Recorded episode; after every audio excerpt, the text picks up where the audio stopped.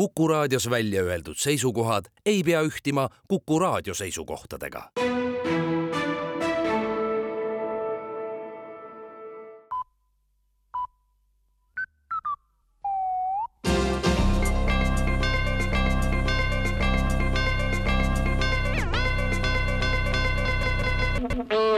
tere kuulama uudiseid stuudios Rohke Debelak valitsus annab teada, et võitluses korruptsiooniga on vaja astuda otsustavaid samme, valmimas on ka korruptsioonivastase seaduse muudatused, kus on sisse toodud ka kiusatuskoefitsienti mõiste kõik inimesed on seaduse ees võrdsed, ometigi on aga inimesi, kes oma igapäevasest tööst tulenevalt on suurema kiusatuse tingimustes kui teised.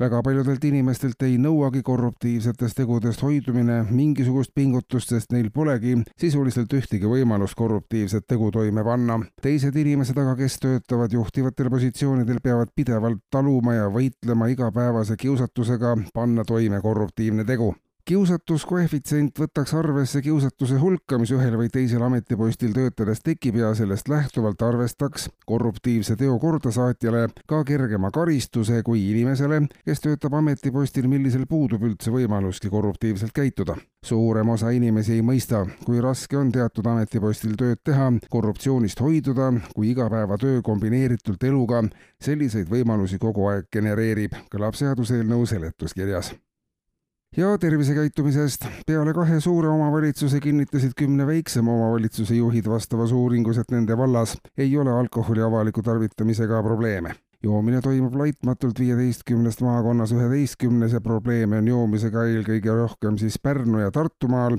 peamiselt segab joomist neis maakondades töö ja sageli segab joomist ka õpingud. kõige enam segab joomist see, kui inimene nii õpib kui ka töötab korraga joomist segava asjaoluna toodi välja ka perekonna surve ja soov osa võtta hobi- ja huvialaringide tööst või tegeleda spordiga. paljud inimesed jooksid hea meelega rohkem, kui riik siin ka oma õla alla paneks, kuid omavalitsuste rahalised vahendid on piiratud. siiski tuuakse üha sagedamini joomise peamise takistusena niivõrd mitte raha, vaid aja puudumist ja on valdkondi, kus joomine kidub igast otsast, ehkki veel kakskümmend aastat tagasi oli see igapäevase töö ja seltsielu tugisammas, nendivad vastanud Eesti Vabariigi välisministeerium saatis aga täna hommikul Vene Föderatsiooni välisministeeriumile ametliku teadaande, milles soovitatakse hüpoteetilisegi Eesti iseseisvuse vastase sõjalise rünnaku mõte juba eos maha matta.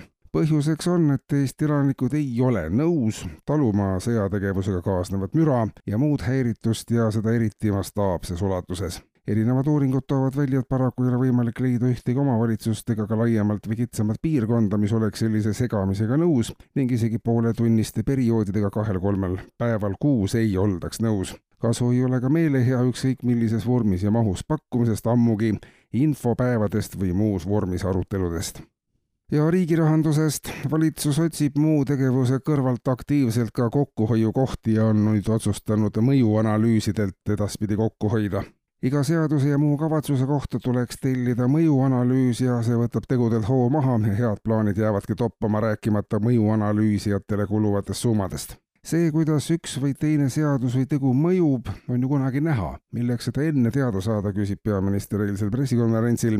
mõju on igal asjal, mida me teeme ja püüda kogu aeg tulevikku ette näha on tänamatu ja mõttetu töö. seadus enne ja mõju tagantjärele, ilma analüüsimata, selline on valitsuse tegevusstiil lähiaastateks, kinnitab valitsus. kuulsite uudiseid.